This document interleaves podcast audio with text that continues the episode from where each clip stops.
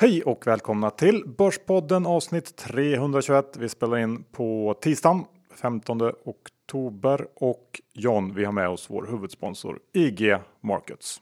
Ja, det är vi väldigt glada för Johan. Och vi spinner vidare på förra veckans eh, roliga nyhet. Det här med att IG har infört eh, Turbo 24, en variant man kan eh, trada dygnet runt och faktiskt bestämma sin egen knockoutnivå så man kan begränsa risken, vilket är väldigt viktigt när man eh, tradar sådana här högriskinstrument. Så är det och den har handlats på en MTF med en synlig orderbok och kan då handlas på IGs smidiga plattform och i mobilen. Men tänk såklart på att det är hög risk så anpassa dina bet utifrån det. Och om man vill komma igång med IG, hur gör man då John och vill ha den här räkmackan som vi erbjuder? Ja, då mejlar man borspodden gmail.com så är det bara att eh, kliva in i den härliga världen av IG. Yes. John, eh, idag tänkte jag prata lite om ESG, eh, sparekonomer och jag har tre stycken rapportcase. Okej, okay. det lät ju väldigt spännande. De första två är lite mer osäker på. Jag hoppas du har twistat till det lite. Du då? Ja, jag har lite roliga saker om eh, myndigheter och så har jag grävt i posten Johan faktiskt. Dessutom har jag börjat med en ny sektion som heter John Skogmans nyheter i korthet. det låter bra. Eh, men innan vi kör igång, vi är också sponsrade av Lendify. Det är vi och de kom ju med en fantastisk nyhet eh, här i dagarna att man numera kan se sitt eh, eh, Lendify-konto på Avanza och det är ju väldigt, väldigt bra att eh, man kan samla sitt sparande så där. Eh, slipper man logga in på flera olika hemsidor. Eh, jag tycker Lendify gör det extremt bra. Och eh, Johan, hur gör man om man vill ha ytterligare ett kassaflöde eh, förutom sin portfölj då? Ja, men då går man in på lendify.se snedstreck Bordspodden för då får man 500 kronor extra om man då stoppar in och investerar minst 20 000 kronor. Och det är en bra start på sitt Lendify sparande. Eh, ett Lendify sparande då som blivit ännu bättre när man nu kan eh, på ett smidigare sätt följa eh, utvecklingen. Ja, verkligen. Inget att tveka på.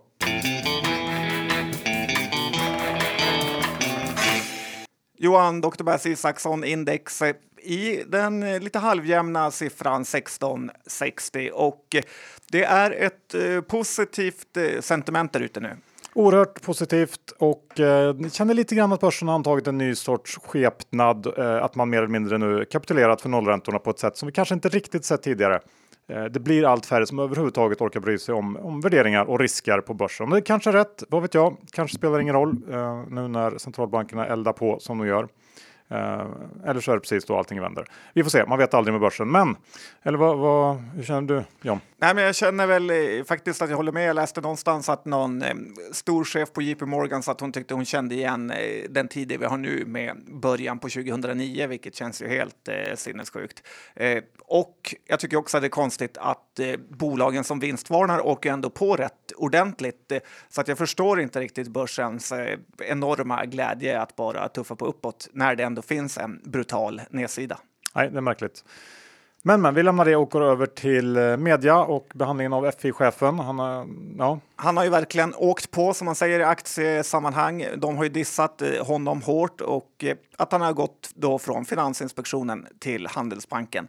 Och det är väldigt ovanligt så här att mainstream media i Sverige som vanligtvis eh, inte förstått sin granskande plikt utan alltid sluter upp bakom myndigheter oavsett eh, vilka fel de gjort, att de eh, slaktat han då. Och först så blev jag glad, eh, men samtidigt undrar jag lite varför de gjorde så här. Eh, men då kom jag på varför Johan. Har du kommit på det? Nej. Och Nej, ja, men då bra, ska jag berätta för dig. Och det är att journalisterna som har varit nu hårdast mot FI och eh, Handelsbanken var ju faktiskt de som hjälpte Lundberg att ta över makten över Handelsbanken. Eh, det har ju visat sig i efterhand att det skrevs väldigt många felaktiga artiklar eh, om då bland annat eh, Sverker Martin och eh, numera bortgångne Anders Nyrén som gjorde det fritt fram för Lundberg att eh, ta över makten i Handelsbankens sfären här. Eh, ingen vet ju riktigt var den här infon kom ifrån och jag tror så här i efterhand att många av eh, journalisterna känner sig lite förbittrade att de blev så lurade och eh, att det visade sig mycket eh, att den här rapporteringen då var så kallade fake news. Och nu måste de visa sig opartiska och trycka dit Lundberg och tvinga honom att kicka den här killen. Eh, men Lundberg, han tar ju inga fångar och han vill ju sin, på sin sida eh, visa vem som bestämmer. Eh, för det hade ju varit lätt för Handelsbanken att bara säga att de bryter kontraktet med den här killen med någon motivering att det blir svårt för honom att göra sitt jobb. Eh, men icke. Så att, eh, det här ska bli riktigt spännande att se vem som vinner. Men jag bettar på Lundberg. Han brukar vinna i längden. Mm, ja, det låter väl rimligt. Um, såg du här igår att um, det dök upp en, en, en ny stor insiderhärva, den största länge, eller på länge faktiskt. Det var ju Breakit som rapporterade att det nu utreds uh, om en misstänkt insiderhärva i Akando. Uh, där i samband med budet tidigare år där de inblandade då ska ha tjänat omkring 100 miljoner kronor. Det är ju uh, CV-mannen nivå om det stämmer. Uh, spännande att se hur myndigheterna jobbar där. Men um, jag kikar lite på det där och jag, jag får inte riktigt ihop uh, hur de ska ha tjänat 100 miljoner för att det um, Har du number crunchat? Nej, men Akando var ju ingen aktie där det handlades enorma volymer i och det fanns, inga, fanns inte heller något derivat och för att tjäna 100 miljoner på det här budet så bör man ha ägt runt 8-9 miljoner aktier kanske lite beroende på hur man fick in dem och det är strax under 10% av bolaget. Känns som att det finns något här som inte riktigt stämmer. Uh, jag har faktiskt snackat med, med Stefan på Breakit om det här och litar väl på att gänget där gräver vidare. Så det blir intressant att följa i alla fall. Ja, nej, men det ena taken är att äntligen så gör EBM något bra förutom att jaga småsparare. Nummer två, det kan ju vara en så här klassisk eh, eh missuppfattning från EBMs sida som när de har pratat om den här insideringen med traders eh, som eh, tjänade miljoner i storbolag varje dag. Så att eh, man vet ju hur det brukar sluta. Jag, eh, ska, håller med, det ska bli riktigt spännande att se vad breaket tar fram. Ja.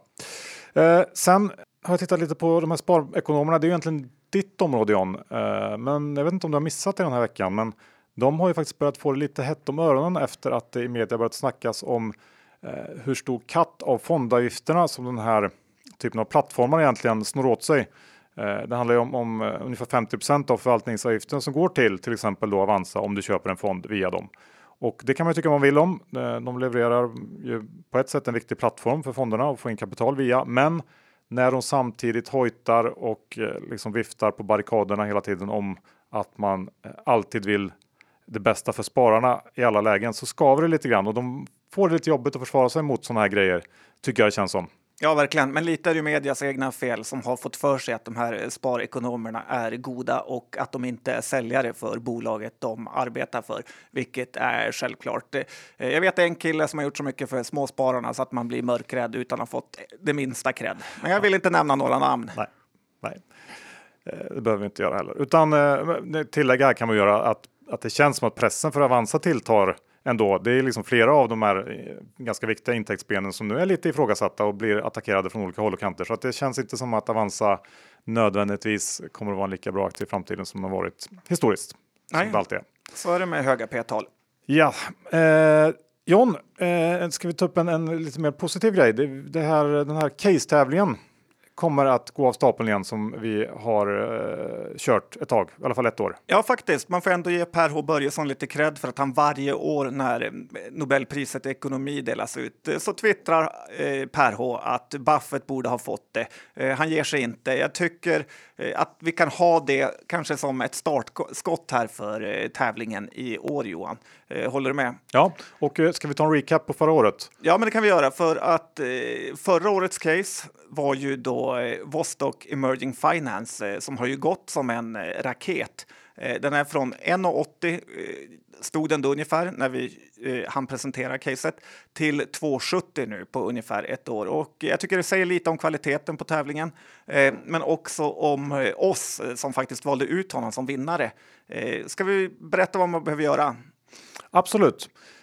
Det vi vill ha är en Ganska kort eh, casebeskrivning. Ja, högst en sida. Ja, men eh, det här tog ju många kanske lite väl bokstavligt förra gången och skickade in kanske en mening. Eh, då blir man ju diskad direkt. Det räcker inte att skicka in. Hej, jag tror att Fingerprint kommer att gå upp Nej, men ändå imponerande många som eh, skickade in treordsbidrag med Fingerprint kommer bli eh, gå dubblas eller Loomi kommer eh, bli uppköpt. Imponerande, men ni kommer nog inte vinna det här caset. Man måste ju på något sätt argumentera för sig. Men det är väl ungefär det som behövs. Och vad ligger i vinstpotten John? Ja, det ligger två stycken härliga krispiga spiltan aktier som har ju ett värde Tutti Balutti då på 24 000 kronor nu. Så det är väl en av de största priserna man kan vinna här i aktietävlingar. Eh, jag tycker att eh, vi drar igång startskottet nu Johan för årets mest prestigefulla tävling. Ja, det är bara att skicka in era eh, caseförslag. Pang! Yes, du, jag har funderat en hel del på det här med ESG och de här ESG-listorna. Um, och hur de slår mot olika sektorer och bolag. Ehm, för de driver faktiskt ganska stora flöden på börsen numera. Eh, sektorer som blir eh, ESG-godkända eh, får inflöden och värderas upp enormt, i alla fall tillfälligt. Och det motsatta gäller då såklart för de som exkluderas. Så problemet som jag ser det här, det är ju att det inte riktigt verkar finnas någon standard för det här urvalet och de olika urvalskriterierna för att bli ESG-klassad som finns är ändå extremt godtyckliga och trubbiga och det tycker jag gör att hela den här rörelsen blir lite pajasartad, måste jag tyvärr säga. Och känns mer som något man håller på med för att döva ett dåligt samvete än att man faktiskt vill göra någon, någon riktig nytta. ESG det står ju eh, för Environment, Social and, eh, eller, och eh, Governance, det vill säga det ska handla om klimat och miljöpåverkan, mänskliga, mänskliga rättigheter, arbetsvillkor, hur bolaget påverkar eh, liksom, samhället och, och runt omkring sig och, och kunder och sådär i stort. Det är några miljarder i konsulttimmar som är Ja, det kan jag definitivt säga att det är. Och också då hur transparent man är i sin rapportering och det liksom korruption, mutor, skatteplanering och så vidare. Um, så det finns ju en hel del faktorer att ta hänsyn till och tittar man på stora innehav i svenska ESG-fonder så hamnar till exempel eh, H&M och Ericsson högt upp, precis som i en vanlig fond kan man tycka. Eh, H&M överkonsumtion av kläder, eh, Ericsson, mutskandaler. Jag vet inte riktigt. Det är svårt att och bli klok på de här listorna tycker jag. Eh, och ett konkret exempel på en sektor som åkte ut i kylan eh, sista året i Sverige är ju bettingbolagen, vilket ändå är lite paradoxalt då man från och med år faktiskt är mer, betydligt mer ESG än någonsin. Man betalar skatt, eh, har betydligt tuffare regler för bonusar och spelpaus och ja, det går ju att argumentera för att spelbolagen från och med år driver en betydligt schysstare och mer ESG kompatibel verksamhet än, än tidigare. Men det jag vill komma med med hela det här resonemanget är att jag tror att de här flödena ändå skapar möjligheter. Ehm, de branscher och bolag som nu står utanför jobbar ju också mot att bli bättre bolag inom situationstecken då, om man ska säga så. Ehm, och bolag som idag ses som liksom icke investerbara kan ju om några år vara helt okej. Okay. Så att jag tycker ändå att man ska utnyttja det här lite grann. Ja, verkligen. Jag tycker att det är patetiskt vissa grejer, hur man är rädd för olja, för världen skulle gå under utan olja på en dag. Och eh, när man tittar på Eolus vind här på 118 spänn så vet man ju att det inte kommer bli en bra affär långsiktigt för de som köper där. Nej, så är det nog. Ska vi avsluta med posten John? Ja, men det här är ett ganska stort eh, gräv av mig faktiskt och eh, jag har sett att DN har gjort en djupdykning i posten, men jag har gjort en egen som förmodligen är lite mer träffsäker. Eh, och det är så här, posten hyr den här Finlandsbåten som ligger i Solna eh, av det börsnoterade enfastighetsföretaget Delarka. Eh, här har ju posten gjort en riktigt dålig affär och hyrt hela fastigheten fram till 2026 eh, som de redan nu sagt upp, men har ändå sju härliga år kvar på det där eh, kontraktet. Eh, lite typiskt eh, staten att göra så här. Eh, men vad gäller då posten så fick jag lite inside info här av en kille eh, som jobbade där på en fest och eh, efter några stänkare berättade han att eh, posten egentligen är i helt fritt fall. de klarar inte konkurrensen på vanliga paket och i Danmark är det katastrof. men anledningen till att det inte är ännu sämre än det är för svenska är för att men anledningen till att det inte är ännu sämre är för att eh, svenska staten och kommuner tvingas våldsskicka ut brev eh, för att förhindra eh, att det ska se ännu sämre ut. Eh, och när jag börjar tänka efter här så det enda breven man egentligen får är ju numera hittepåbrev från staten och kommunen. Det är ett brev från fritids med räkningen, det är ett brev från dagis, det är ett brev för deklarationen, det är ett brev varje månad man får RUT eller rotavdrag och eh, för städning eller eh, snickeri. Och sen är det ett brev för trängselskatt och det är ett eh, brev för att deklarationen är godkänd.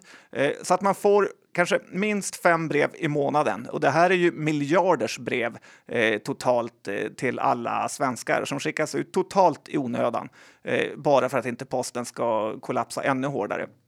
Men det roliga är att grej, sekunden efter att danska staten dumpade sin egen post eh, på Sverige eh, så slutade de att skicka ut sådana här statliga och kommunala brev eh, vilket har gjort det här till en, att Danmarksdelen går jättedåligt jätte eh, i Postnord.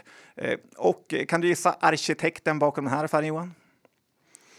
Ja, jag borde kunna det kanske, men eh, nej. The one and only Maud Olofsson, ja, kvinnan bakom att Sverige blåste 100 miljarder plus i Nuon och eh, man får väl säga som Dressman, grattis Sverige. Eh, men då kan man titta på det här bolaget, Delarka, det är ändå lite intressant och eh, Postnord är ju som sagt en säker hyresgäst eh, så att på den fronten är det ju lugnt. Eh, men frågan är vad fastigheten är värd bortom 2026. Eh, den är ju lite konstig och ligger ju lite off också nu när man byggt Mall of Scandinavia eh, där alla vill vara.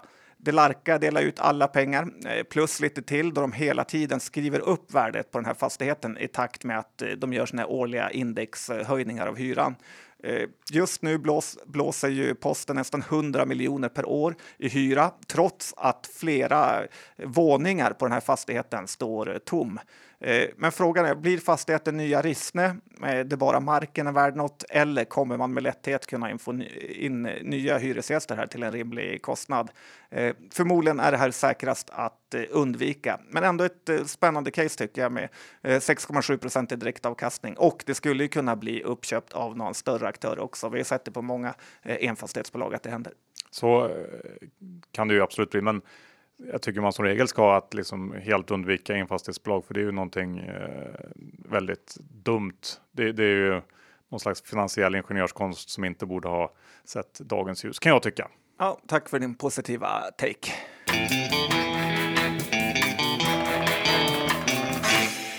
Vi är sponsrade av SEB Private Banking. Förra veckan hade vi besök av Johan Hagbart från SEB och den här veckan är hans kollega på plats. Välkommen Esbjörn Lundevall. Tack så mycket. Vi börjar lite kort med vem är du och vad jobbar du med? Jag ansvarar för eh, rådgivningen på nordiska aktier för SEB Private Banking. Okej, okay, och eh, i det här jobbet då, så vad tittar du på i olika bolag och vad krävs för köp eller sälj? Det är ju inte jag som sätter köp och säljrekommendationerna, utan jag letar ju mest efter vilka är de starkaste köp och säljcasen utav dem eh, ungefär 300 bolag som våra analytiker bevakar. Eh, och där är det ju så att säga viktigaste för mig brukar vara relationen mellan potential och risk. Väldigt många privata investerare går ju i fällan att fokusera alldeles för mycket på potentialen och så glömmer man bort riskbilden. Men lite lustigt nog så under det senaste året har det blivit nästan tvärt om, det vill säga att nu är ju alla helt besatta av den operationella risken och den konjunkturella risken i sina investeringar.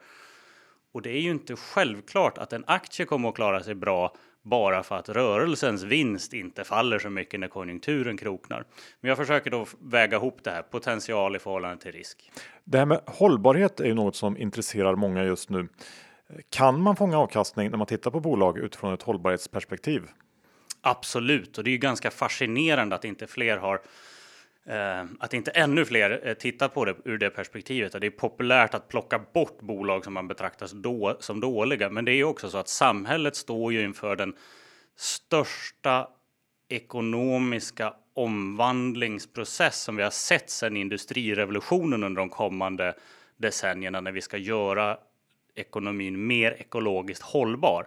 Det här kommer att kräva gigantiska investeringar i sam för samhället, vilket naturligtvis också innebär gigantiska affärsmöjligheter för företag och givetvis då också massor med investeringsmöjligheter för, för aktieinvesterare. Tack för det Esbjörn. Gå in på seb.se private banking där kan du läsa mer om Private Bankings erbjudande eller få kontakt med Private Banking på SEB om du då vill få hjälp av Esbjörn och hans kollegor.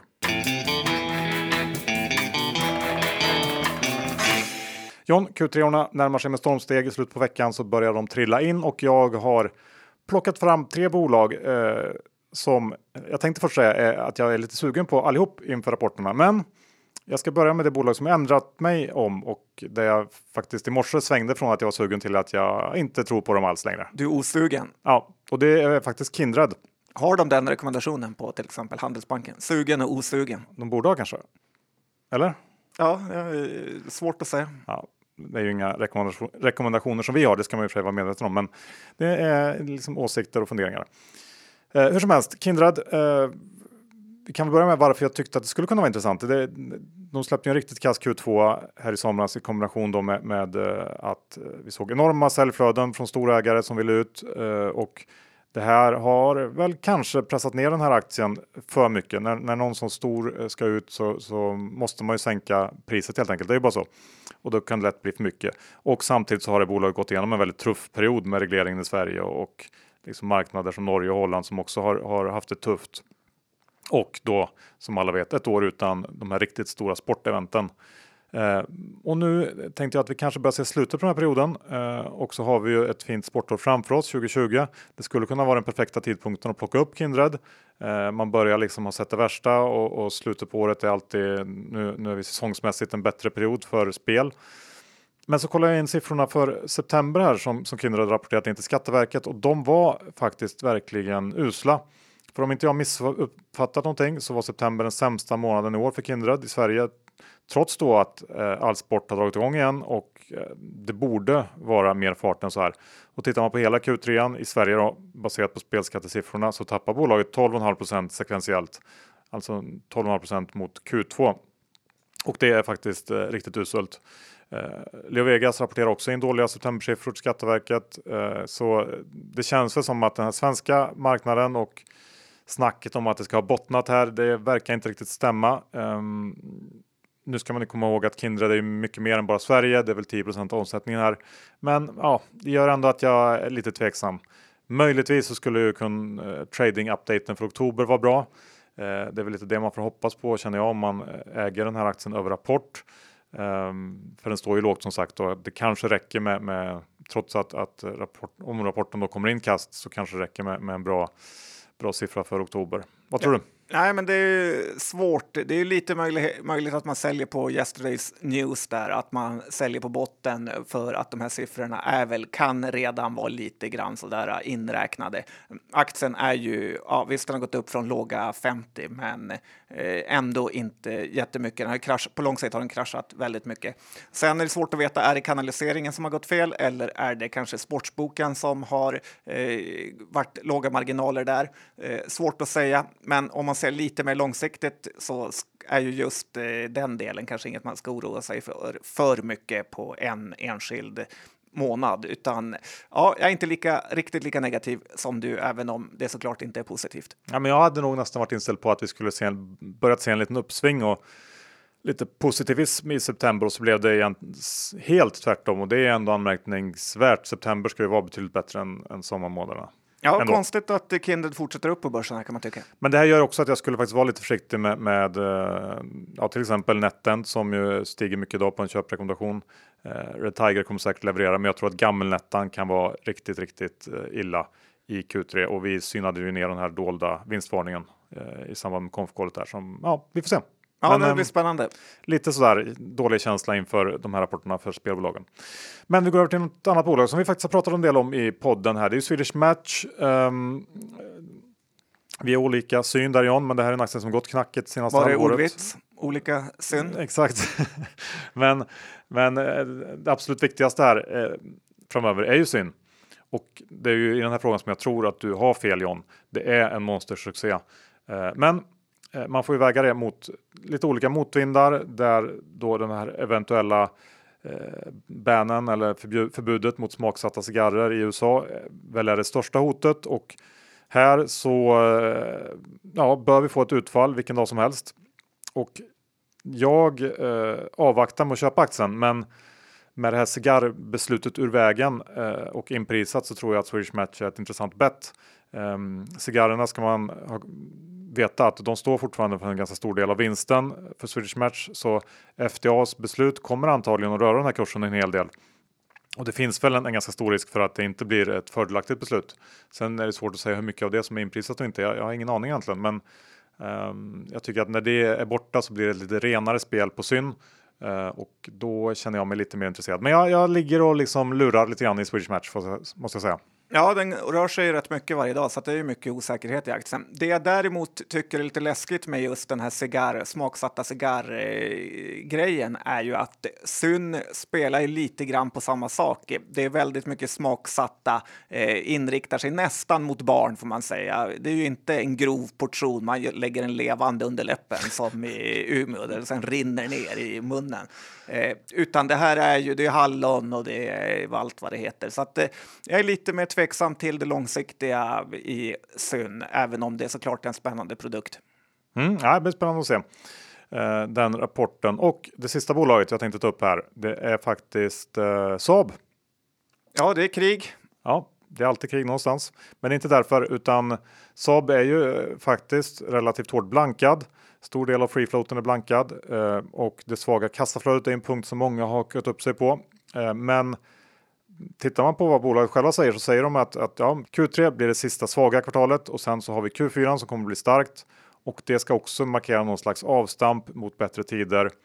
Skördetid kanske man kan säga eh, in mot 2020 och framåt. Så att det här innebär ju att om man är kort den här aktien och liksom inte tror på total katastrof så börjar det ändå bli läge att täcka nu. Eh, Q4 avslutat av året är ju dessutom alltid en period eh, på året när Saab tar massor av ordrar och det är inte alls omöjligt att man klipper in någon eh, av lite större kaliber och eh, det här gör att jag tror att man liksom kan få lite av liksom en, en häng, hängslen och livremstrade i Saab eh, från och med nu och framåt. Att eh, blankarna borde täcka och eh, Q3 vet man, den ska liksom bli halvkass, men sen så kommer det se bättre ut. Och, ja, jag sk skulle nog ändå kunna tänka mig att många vill eh, täcka sina positioner här som, som de säkert eh, också är lite plus på. Ja, men du har ju helt rätt i att det brukar ticka in mycket Q4-order för eh, Saab. Däremot har man ju hört den här förut att det ska bli bättre framöver. Inte lika säker på det. Men som sagt, vi har ju varit först ut med att rapportera att de är favoriter att ta Finlands ordern eh, vad gäller Gripen, trots att den inte kan Cobra-manövern. Men ändå. Ja, ja men det, så att vi får följa upp de här för att se hur det blir. Eh, nu är jag lite nyfiken på det här nya segmentet nyheter i korthet med John Skogman. Ja, det är inget att hålla på egentligen, utan det är bara att köra Nej, av. Det känns inte som det. Eh, Klöckner vinstvarna igår och det är kanske det bolag som svensk media överskattar allra mest. Det här är ett bolag som har varit 500 miljoner euro, eh, men det rapporteras om det som att det är de, ett av de absolut största bolagen i världen. Det är jätteskuldsatt och det är ett jättedåligt bolag eh, som vi i Sverige borde sluta prata om. Det är inte världsledande på något någonstans. Det är någon slags B-group-variant. Ja, och sluta prata om det bara. Mm.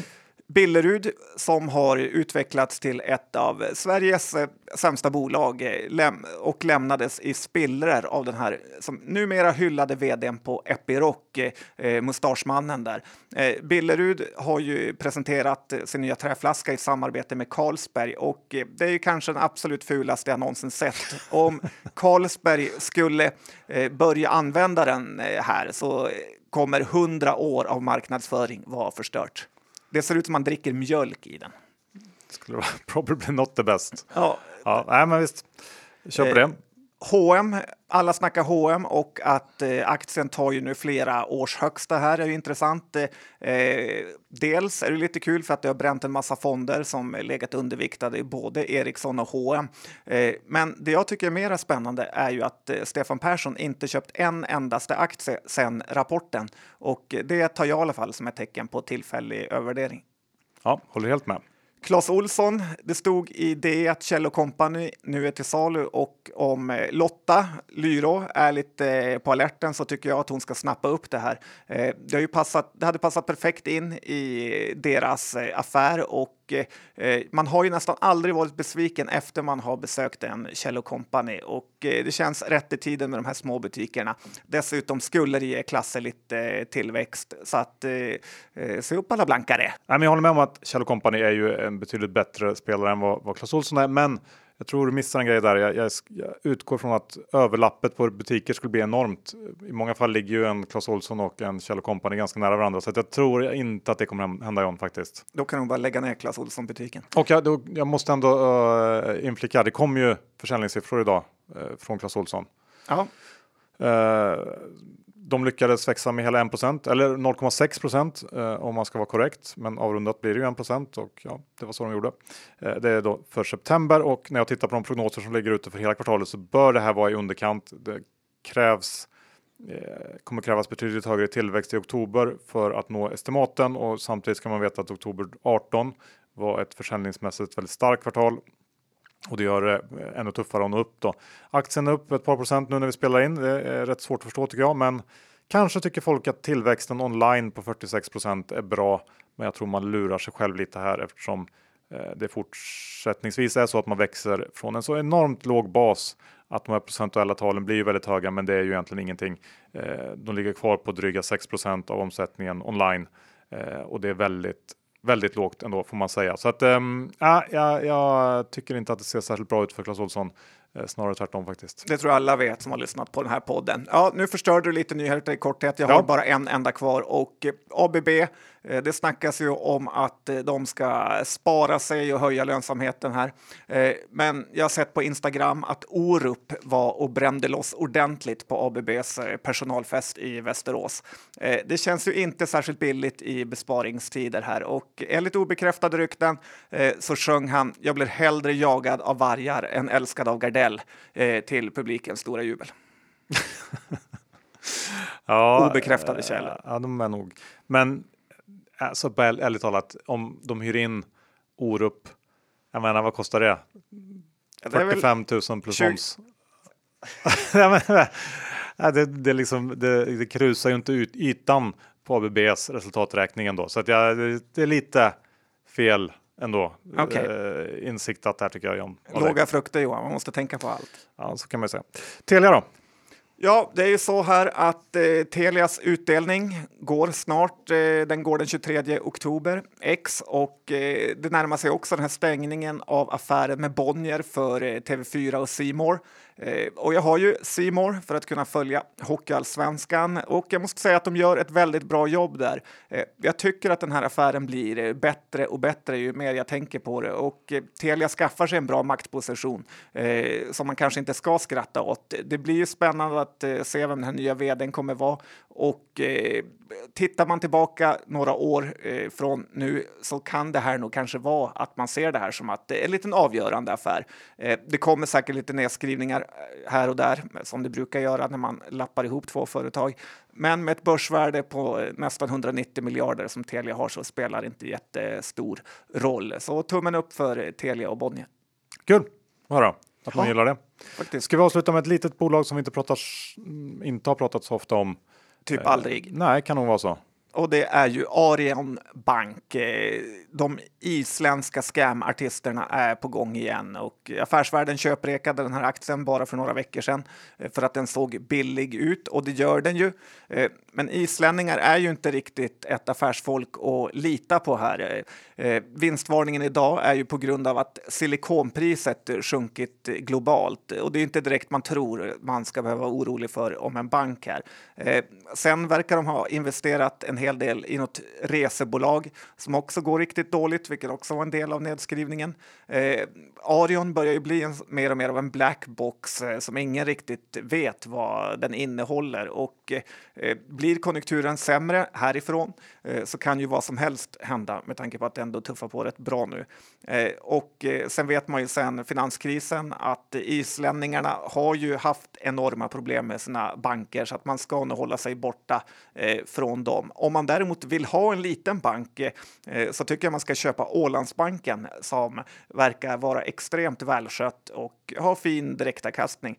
Dessutom kom ju de med en omvänd vinstvarning. Det gillar man betydligt bättre som aktieägare för att det går så bra. Och jag säger så här Johan, vem har suttit i styrelsen under en längre period i den här fina banken? Eh, Goran. Ja, precis. Eh, Goran Persson satt där och det gör väl mig lite mer och mer säker på att man faktiskt också kanske ska lägga in en långning i Swedbank, för Göran kan styra upp banker. Ja, jag vet inte. Jag, jag avstår hela den där sektorn. Det är ingenting för mig. Och nu är det dags för eh, den här veckans sista programpunkt. Det är vår eh, fjärde och avslutande intervju ifrån Singaporion när vi träffade SEBs chef eh, i landet, Benjamin Svedberg.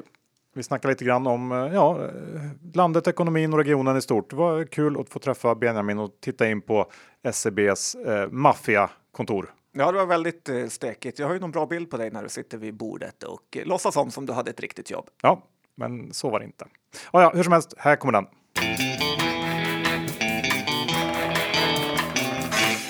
Vi är också sponsrade av Cameo. Eh, Cameo erbjuder lånebaserad crowdfunding där man då kan investera i fastighets och företagslån i Norge, Sverige och Danmark. Minsta investering är 500 kronor. Det gör ju att det här är tillgängligt för vem som helst och årsavkastningen ligger på mellan 5 och 15 procent beroende på risknivå. Eh, snittet ligger på 9,8 procent. Man får månatliga räntebetalningar och eh, i dagsläget har Cameo cirka 10 000 investerare i Sverige, Norge och Danmark. Och det kan vara värt att veta att bland de här 170 projekten som Cameo eh, hittills haft på sin plattform finns det ännu inga konstaterade kreditförluster. Men man får ju ändå vara beredd då på att det kan komma framöver och att det precis som med andra investeringar är viktigt att sprida riskerna över flera projekt. Så att tycker ni att det här låter intressant? Gå in på cameo.se och eh, kom ihåg att Cameo det stavas med K.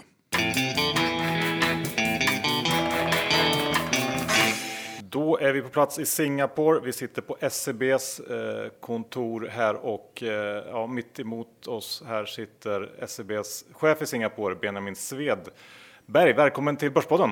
Tack så mycket! Kul att vi fick komma hit. Kan inte du lite snabbt berätta om dig själv och vad ni på SEB gör här i Singapore-kontoret? Jag har varit här i fem månader, så jag är ganska ny på posten. Men jag har med mig att jag var här för 20 år sedan och jobbade i två år för SEB. Eh, här på SEB så är vi, eh, fokuserar vi på våra företagskunder framför allt, som vi har med oss från våra hemmamarknader, det vill säga Norden, Tyskland och även vissa UK-kunder. Så det är de vi fokuserar på och arbetar. Sen så gör vi också eh, affärer med institutionella kunder i Asien, för de är ju intresserade av nordiska aktier, obligationer och så vidare. Och det är en viktig, eh, det är en, vikt, det är en väldigt växande kundgrupp för oss. Det som går bra, det är, vi gör en hel del shipping också faktiskt. Eh, det går fortsatt bra. Vi gör väldigt mycket trade finance-relaterade affärer, för det är Singapore och den här eh, regionen är ju väldigt handelsinriktad. Så mycket typer av handelsfinansieringar, det är mycket. Och som en förlängning av det så blir det en hel del valutaväxlingar också och flöden. Ja, det låter spännande. Kan vi inte börja med att få någon slags bild av dig här om, om eller kring affärsläget och ekonomierna ja, men här i, i eh, Sydostasien? Ja, men det, det här är ju en otroligt starkt växande region. För bara för att sätta det i perspektiv. Om vi tar Sverige eller Tyskland, hur mycket har de här ekonomierna växt de senaste tio åren i dollartermer? Och då pratar vi 6-7 procent. Den här regionen har på tio år växt med ungefär 90 procent. De har i praktiken dubblat sina ekonomier. Och när man har då en tillväxttakt på kanske 5 procent och börjar ha ekonomier som Indonesien med en triljon dollar i BNP och det där växer med 5 procent, ja, då blir det åtskilliga belopp per år, alltså 150 miljarder dollar som bara Indonesien växer med. Malaysia växer 5 procent. Så att, eh, och det har man gjort under en längre tid. Va? Sen så är det förstås så att det finns en slowdown här på grund av trade war. Och den ser vi ju direkt i Singapore, för Singapore är ju så att säga den regionala handelshubben och det finansiella centrat. Så man har eh, en väldigt hög andel import och export i förhållande till sin BNP. Så man kan säga att man är lite som eh, kanariefågeln, the canary in the trade world mind. Liksom. Man säger att, och där har ju Singapores BNP kommit ner ganska kraftigt. Eh, så de är på minustermer alltså, från, om du jämför Q2 2018 till Q2 2019. Va? Det är minus 3 procent där någonstans. Men är det handelskriget med Kina och USA som har drabbat, gjort det här eller? Ja, det är en del av det. Och sen så finns det en seasonal effekt förstås också. Men eh, det är helt klart att det, det här är handelskriget som vi ser, eh, som även biter i den här regionen. För Kina är ju en så stor del. Och det som också händer är att du får, du får en förflyttning av supply chain. Alltså man börjar flytta förstås från eh, Kina ner till eh, Vietnam, ner till Bangladesh och den trenden ser vi också. Men att handelskriget är, eh, inte är, är bra men vad, vad är känslan nu då? Vad, vad, är liksom riktningen skulle du säga? Går det, går det, fortsätter det neråt? Har det stannat upp eller är det på väg att vända? Ja, men just, just för Singapore så, så eh, kommer man komma ut 2019 på precis över nollstrecket vad det gäller tillväxtsiffror.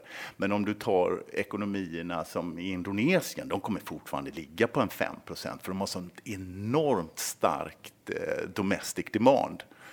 Eh, men så kraftig, alltså en, en yngre del av befolkningen, en, en stor andel uh, ung befolkning och ett oerhört uh, stort efterfrågetryck. Så där är det inga större problem. Malaysia ligger också på höga tillväxttal men eh, inte samma dynamik som, som eh, Indonesien. Och sen är förstås, är det här ett jack i kurvan? Ja, det är jag fullkomligt övertygad om att det är att Asien och den här regionen is the place to be. Alltså om vi pratar nu F1-race, om man får göra det här som är nu till helgen, så är det ju faktiskt så att det är Asien som är i pole position. För det är här det, det, är här det växer, ekonomierna växer, befolkningen växer. Här behövs investeringar. Det är spännande att du är så positiv. Men vad kan du säga lite om affärsklimatet här? Hur, hur lätt är det att göra affärer? Hur, hur fungerar det? Det, det spännande är ju att det inte bara är ett sätt. Det är ett sätt förstås i Singapore där vi har, om du börjar med, det är en väldigt eh, engelsk, den singaporianska lagen är väldigt engelskt lik. Flyttar du dig sen eh, till Indonesien eller Thailand eller, Indo, eh, eller Malaysia så ser det ju annorlunda ut, eller för den del Filippinerna va? som ligger då närmare så att säga, USA i sitt förhållningssätt. Så att man måste eh, för, förhållningssättet är olika på olika marknader. Eh, och jag tycker egentligen alltid att det är bättre att fokusera på likheterna istället för att säga, om du ska gå in till en affärsmotpart och säga, aha, eh, hur, hur, ser vi, vad är vi olika någonstans? Så man förstår det. Jag tycker att det är mycket bättre att bara hitta likheterna istället. Och eh, det tycker jag är vägen fram. Ja, ehm, och, och Liksom, vad, vad, är det som, um, om vi tittar på svenska bolag här nere, mm. vad, vilka finns här och, och, är det många svenskar som, ja. som har etablerat sig i Singapore? absolut, för SEB har varit här i 40 år, firar 40-årsjubileum i år.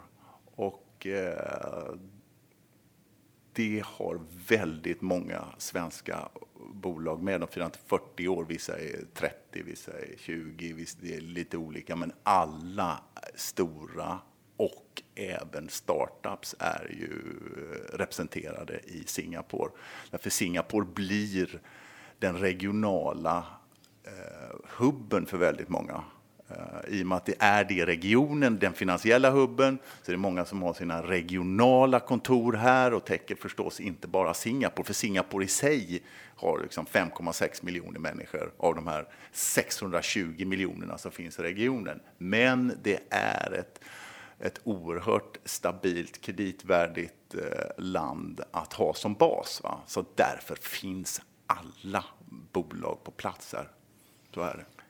Vad säger du om det här med corporate governance? Kan man, eh, du som handlar aktier och andra eh, bolag här, vad, kan man lita på bolagens redovisning och hur de styrs och den typen? För lite känner jag att ju längre bort från Sverige man kommer, desto mer försiktig får man vara.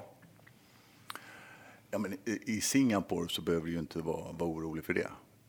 Uh, och sen så är det ju så att om jag, nu är inte jag någon expert på det området, men det är ju faktiskt så att transparensen, om jag jämför med hur det var för 20 år sedan uh, och tittar på idag, så har den ökat markant.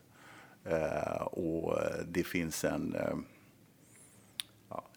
det finns en enorm förståelse för liksom, kan man lita corporate governance? Nästa fråga kommer, hur görs affärer? Är det, är, är det muter inblandat och, och, så vidare där det kan finnas ja, spekulationer hur det ser ut i Indonesien, Malaysia och så vidare. Men där är min uppfattning också när jag har varit och träffat de bolagen och bankerna att det här är, man är väldigt committad som man säger till det här språket på, på vad det gäller ECG och för oss är det ju liksom en, ja, det, det, det, det är en, eh, det är liksom en förutsättning bara att eh, det här sköts på ett mycket, mycket bra sätt.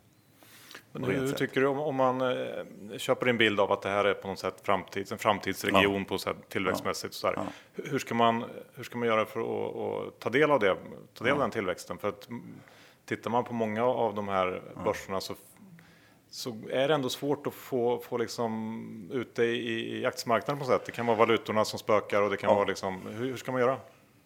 Ja, men det är ju, eh, där får ni nästan gå in själva lite och titta på, för, för att om du tittar på public, vad, hur mycket har du free float och liknande på de olika börserna? Eh, det är väl inte det är väl inte ett problem kanske i Singapore, men när du rör dig utanför regionen så, så är ju free floaten eh, ganska liten. Va? Och du har kontrollerande sfärer familjer in i bolagen eh, som kan göra, eh, som, kan, som på något vis begränsar free floaten helt enkelt. Så det är ju någonting att vara med på. Sen är du inne på en annan sak vad det gäller valutorna förstås. Alltså, där måste du vara med eh, på, att, på att du har en valutarisk rakt in i det här. Eh, vad det gäller att handla de valutorna för syftet att köpa aktier så är det grönt och även sälja dem. Men du måste vara med på eh, valuta. Eh, du måste vara med på valutarisken.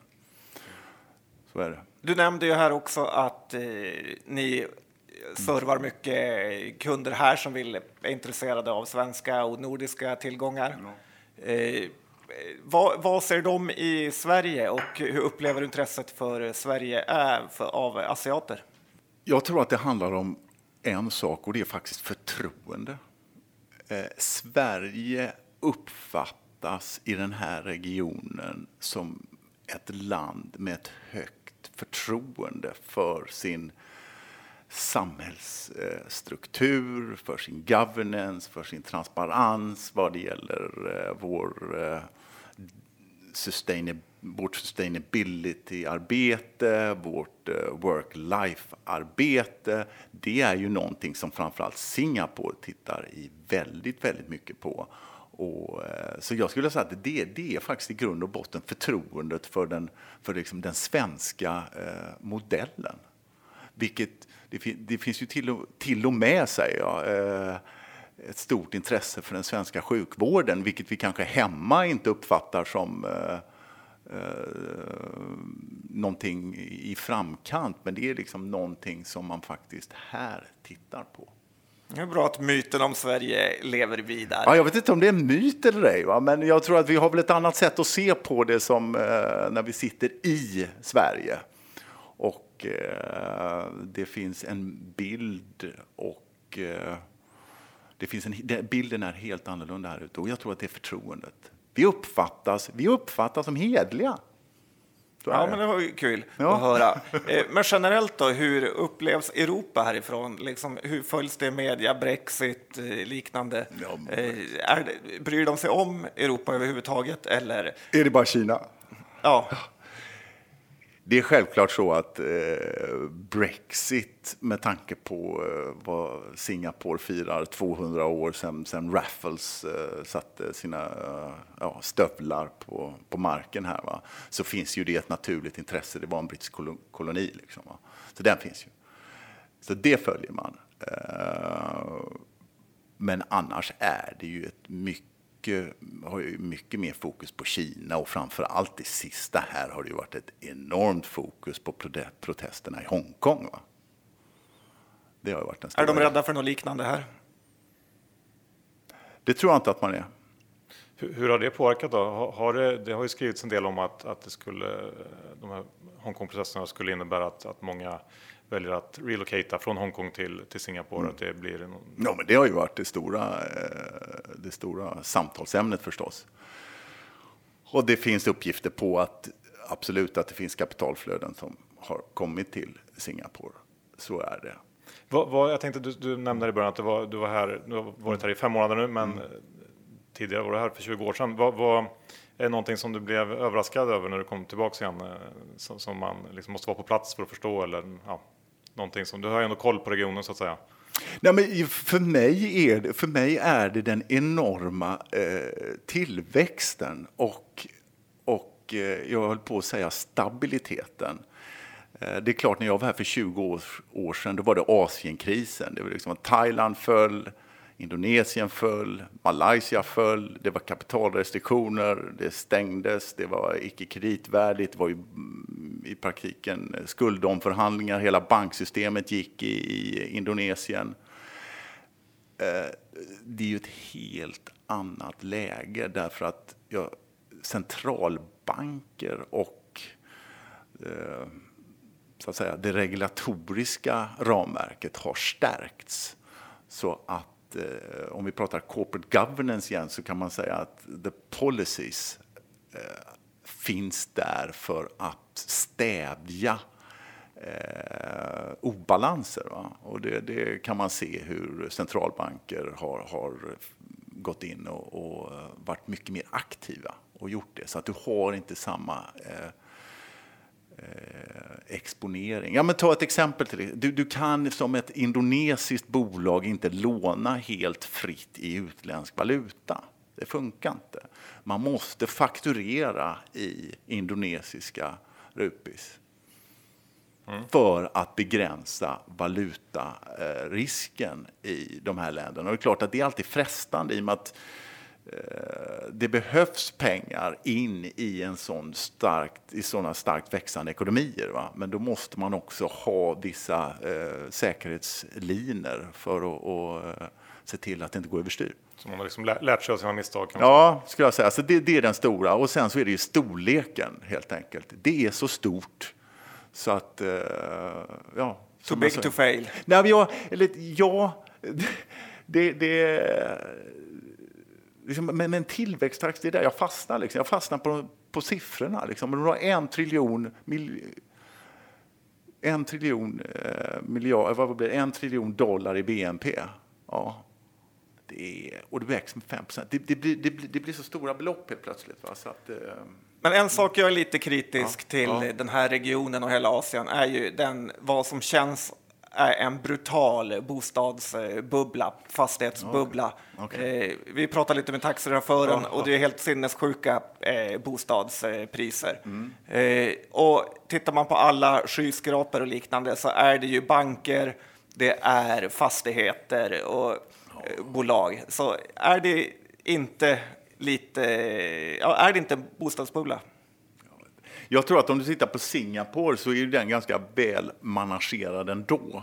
Om du tänker på eh, hur land och sånt ges ut för development. Det finns ju en plan från government på eh, om vi tittar ut genom fönstret, vilket inte ni kan göra på podden, men vi kan göra det, så kan man eh, förstå att här kommer eh, government att tilldela eh, yta och man har så att säga ordentliga planer för hur tillväxten av bostäder ska se ut och kontor.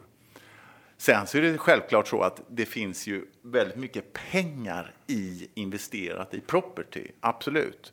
Så att du får ju en av den anledningen eh, volatilitet. Jag är, jag, är inte, jag är inte mannen att bedöma om, om, om det är en fastighetsbubbla eller ej. Jag kan bara säga att intresset för att investera i fastigheter är stort. Ja, vi, vi, vi snackade med några andra svenska ja. bankanställda igår ja. som också var inne på det här att det, det, verkar inte vara så jättevanligt att man som i Sverige har ett Avanza eller ett Nordnet-konto och handlar aktier utan eh, fastigheter är, är, det stora här nere på något sätt, även bland gemene man så att säga. Så är det. Så är det.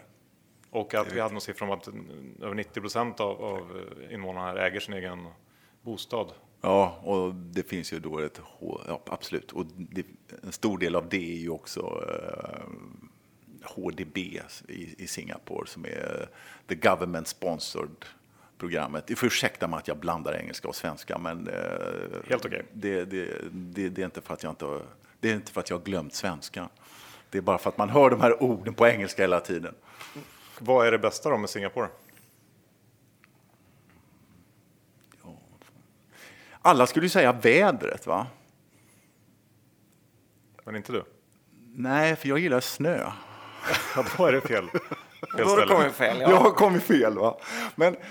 Eh, Även om du jämför med, med livet i stort jämfört med Stockholm till exempel. Nej, men jag tycker så här att det som är skönt med att komma, oavsett om det är Singapore eller utomlands, är att du träffar nya människor, du kommer in i nya rum som du inte hade gjort om du hade varit kvar i Stockholm eller Göteborg eller var du nu kommer ifrån. Du tvingar dig ut i andra rum och du måste träffa andra människor och det eh, tycker jag är det bästa. Bra Benjamin, då får vi eh, säga ett stort tack för att du tog dig tid att träffa oss här i Singapore. Det var väldigt trevligt.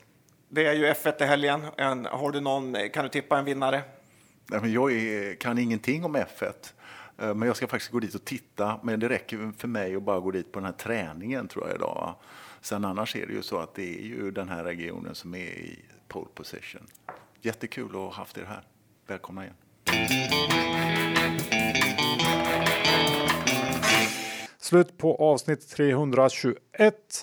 Tack till IG. Vill ni ta del av räkmackan, VIP-ingången, ja, mejla då till bordspodden gmail.com så kommer jag och John ordna det med glädje. Ja, många har gjort det, gör det du också. Ja, och kom ihåg Lendify. Alltid bra med alternativa kassaflöden. Gå in på lendify.se bordspodden så får ni 500 kronor extra att investera om ni stoppar in och investerar minst 20 000 kronor. Ja, och nu det- kan man ju se sitt eh, innehav i Avanza, vilket ju är en härlig förbättring. Mycket, mycket bra sagt Johan. Det är otroligt att kunna få ett samlat sparande, eh, övergriplig bild. Ja, och dessutom SEB eh, Private Banking. Gå in på seb.se private banking om ni vill veta mer om deras erbjudande. Bra John, hur är det med innehav? Har du någonting av dem vi har pratat om? Jag har ju då såklart kort Clas Ohlson och lång lite grann eh, Saab faktiskt. Har börjat liksom bara nibbla lite. Okej, spännande. Det är alltid, du har ju bra historik där. Jag har tyvärr inget eh, av aktierna vi har eh, pratat om, så att det ska bli spännande att se vad Q3 kan göra. Om jag kanske kan få några nya innehav i portföljen. Härligt! Tack för att ni lyssnade. Vi hörs om en vecka igen. Hej då!